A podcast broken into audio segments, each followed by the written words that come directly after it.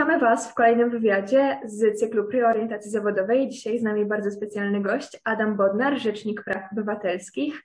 E, bardzo, bardzo dziękujemy, że zgodził się Pan e, przeprowadzić z nami wywiad. E, więc może zaczniemy od pytania, na które dużo osób nie zna odpowiedzi, czyli czym w zasadzie zajmuje się Rzecznik Praw Obywatelskich?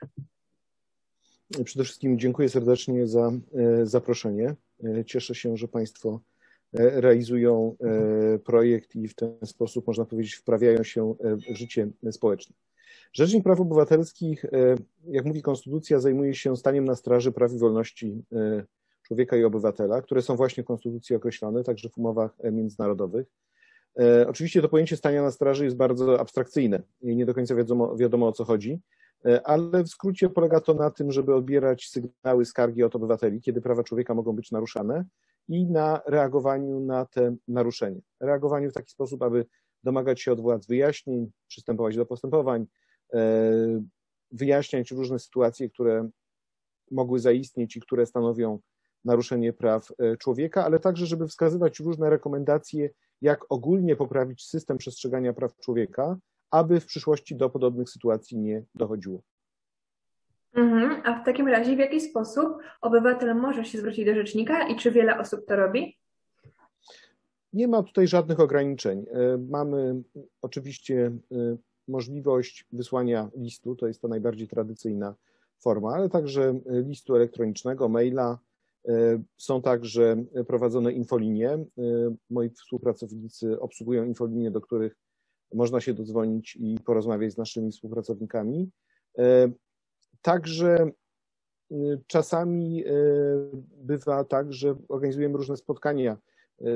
Duża część mojej kadencji polegała na tym, że jeździłem po kraju i e, organizowałem tak zwane spotkania regionalne, na które przychodzili ludzie, którzy chcieli się czegoś dowiedzieć o biurze rzecznika, ale także chcieli zgłosić konkretną e, skargę. I także e, pracują biura terenowe rzecznika w trzech miastach, we Wrocławiu, w Gdańsku oraz w Katowicach oraz biuro oczywiście w Warszawie, a także jeszcze przed pandemią prowadziliśmy takie punkty przyjęć interesantów w poszczególnych miastach wojewódzkich, czyli każdy mógł, kto chciał, mógł fizycznie zgłosić skargę.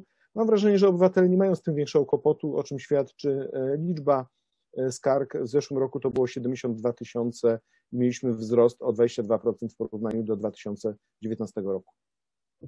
I w takim razie, jeżeli interweniuje Pan w sprawach zgłaszanych przez obywateli, to czy te instytucje, do których e, właśnie wysłana jest interwencja, nie uznają Pana za krytyka swojej działalności albo kontrolera i czy napotyka Pan wtedy u nich jakieś trudności? E, oczywiście, że tak, ponieważ e, władza nie, nie lubi krytyki, władza nie lubi, jak się mówi, jej sprawdzam. E, władza nie lubi też uznawać, że na przykład jakieś pomysły na rozwiązanie danej sytuacji są autorstwa innej instytucji, a nie, ich, a nie są to ich własne pomysły.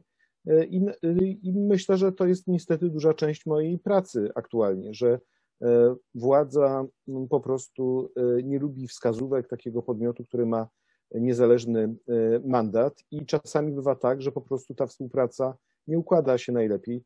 Myślę, że aktualnie mam szczególnie poważne problemy z Ministerstwem Sprawiedliwości, ale pocieszam się, że nawet premier Morawiecki ma problemy z Ministerstwem Sprawiedliwości, niekoniecznie jest w stanie zaprowadzić tam swoje porządki, także dlaczego z rzecznikiem miało być miałoby być inaczej. Niestety na tym cierpią obywatele, ponieważ ja działam w duchu współdziałania z organami władz, e, w takim, żeby wszyscy razem pracowali na rzecz osiągnięcia dobra wspólnego, jakim jest przestrzeganie praw człowieka, ale niestety nie zawsze to jest e, w interesie politycznym władzy.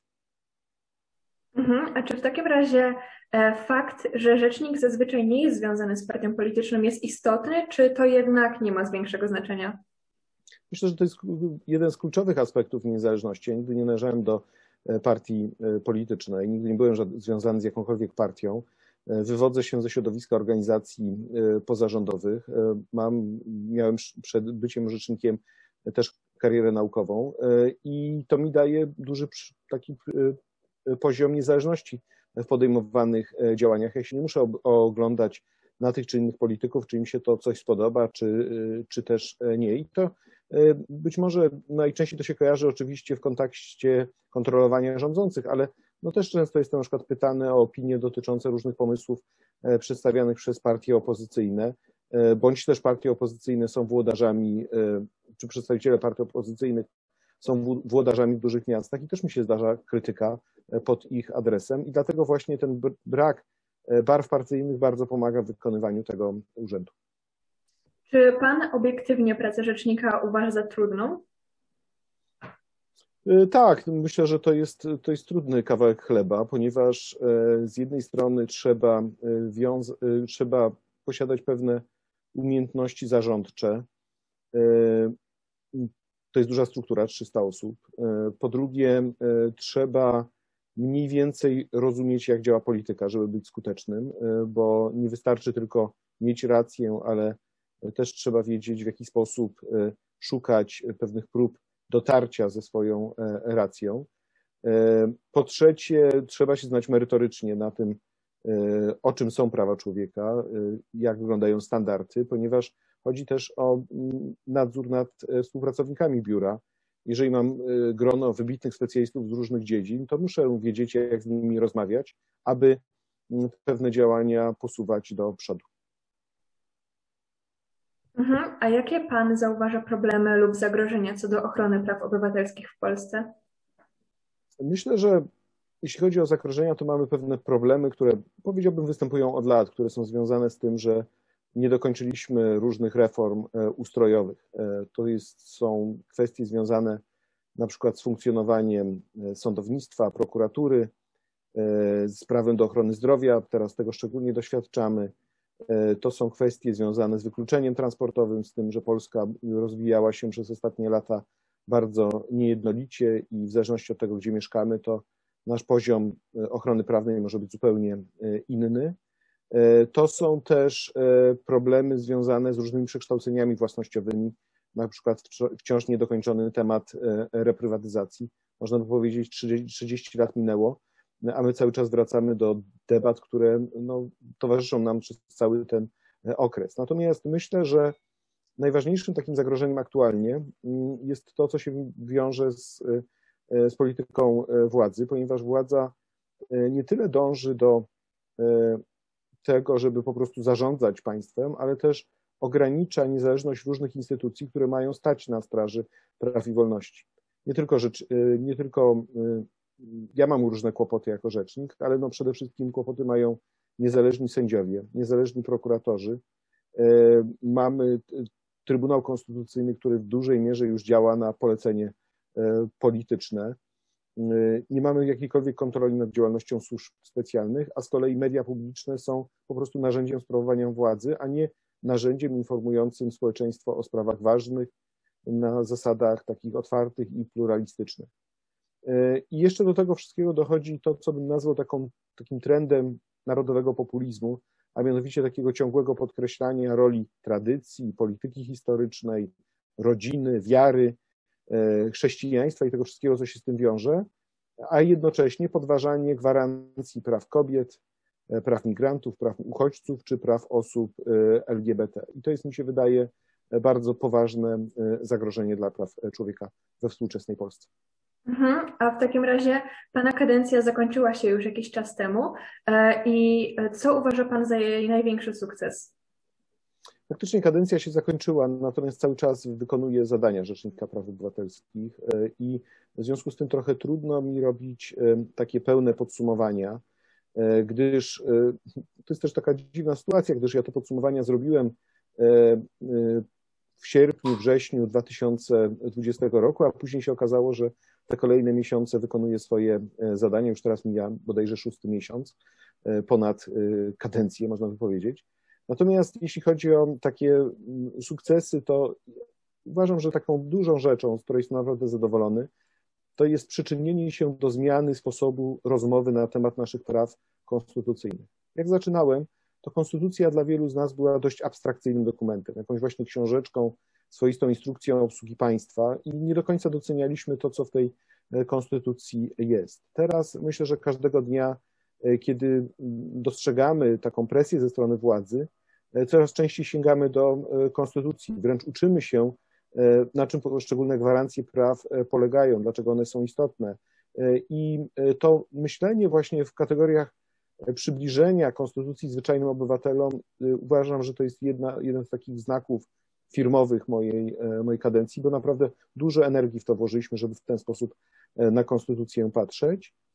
A także bym chciał dodać, to są pokazanie, że te naruszenia praw to nie są tylko te tematy dyskutowane w dużych miastach, te, które budzą największe emocje, ale że ta krzywda do, może dotyczyć zwyczajnego Kowalskiego mieszkającego gdzieś e, daleko w małej miejscowości, który na przykład może mieć problem e, z, z zagadnieniami z zakresu ochrony środowiska, z dostępnością świadczeń socjalnych, właśnie z tym wspomnianym wykluczeniem transportowym, e, czy tak jak teraz na przykład w kontekście pandemii może być tym przedsiębiorcą, który może nie dostać wystarczającej pomocy od, od państwa.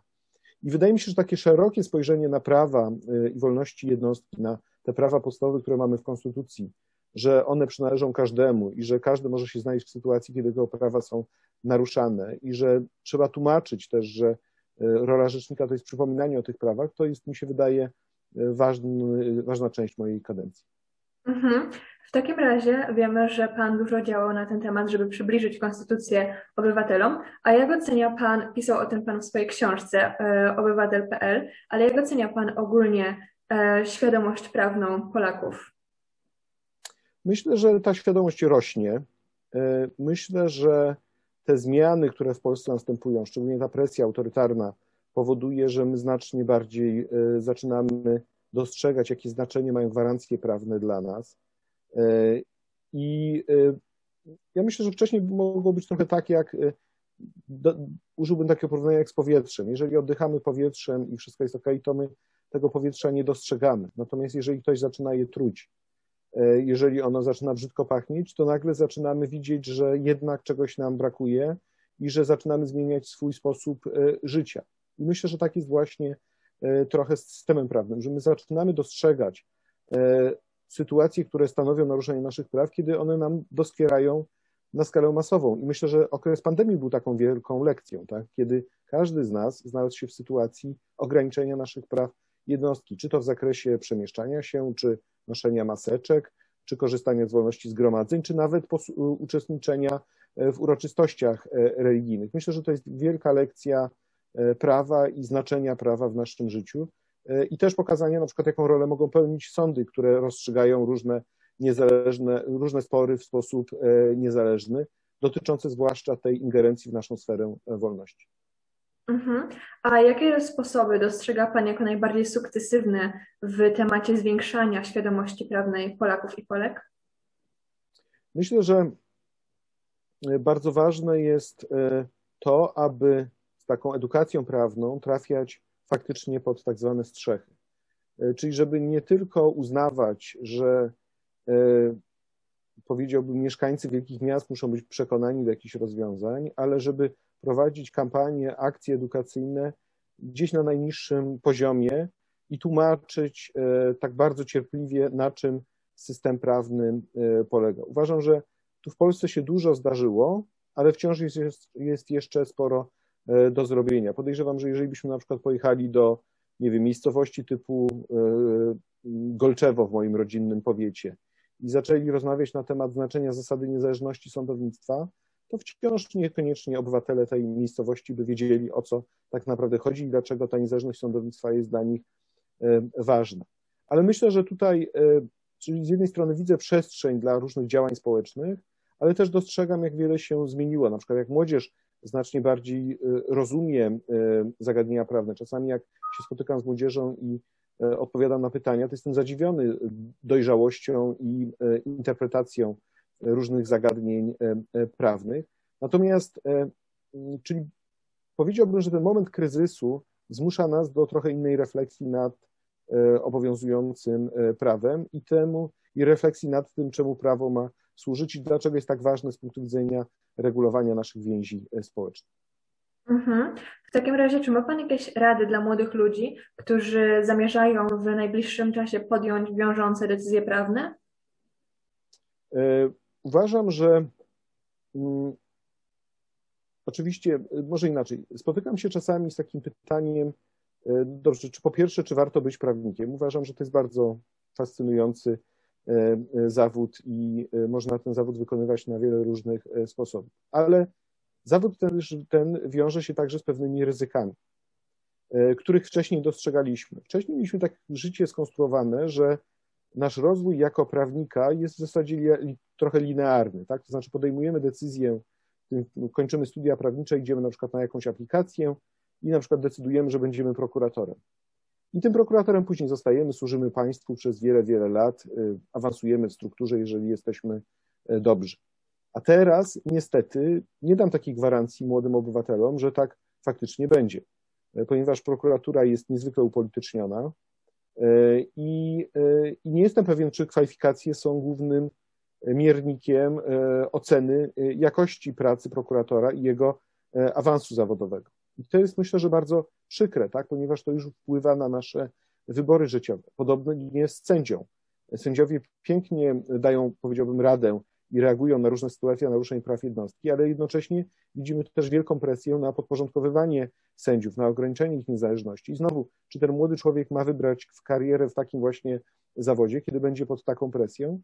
Tego nie wiem, tak? Albo kiedy w ogóle będzie musiał przechodzić przez procedurę, która może być wątpliwa ze względu na takie, a nie inne funkcjonowanie Krajowej Rady e, Sądownictwa. Dlatego myślę, że to nie jest dobry okres do dawania rad, natomiast myślę, że to jest okres do tego, żeby zobaczyć, e, jak kształtuje się świat wartości.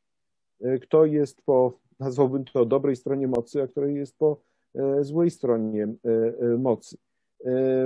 Za jakimi wartościami się różni ludzie opowiadają i jak wiele potrafią zaryzykować. Jak widzę postawę takich sędziów jak sędzia Tuleja, sędzia Juszczyszyn czy pani sędzia Morawiec, to po prostu ja mam absolutnie wielki szacunek dla, dla tego, co oni robią, dla ich postawy życiowej i dla pewnej takiej determinacji w obronie e, wartości. Ja wierzę, że my kiedyś e, tym sędziom będziemy stawiali pomniki w Polsce, jako tym, którzy po prostu potrafili się zachować godnie i ponieść po prostu określony koszt, bo to, bo to są momenty, kiedy na naszych oczach się kształtuje historia.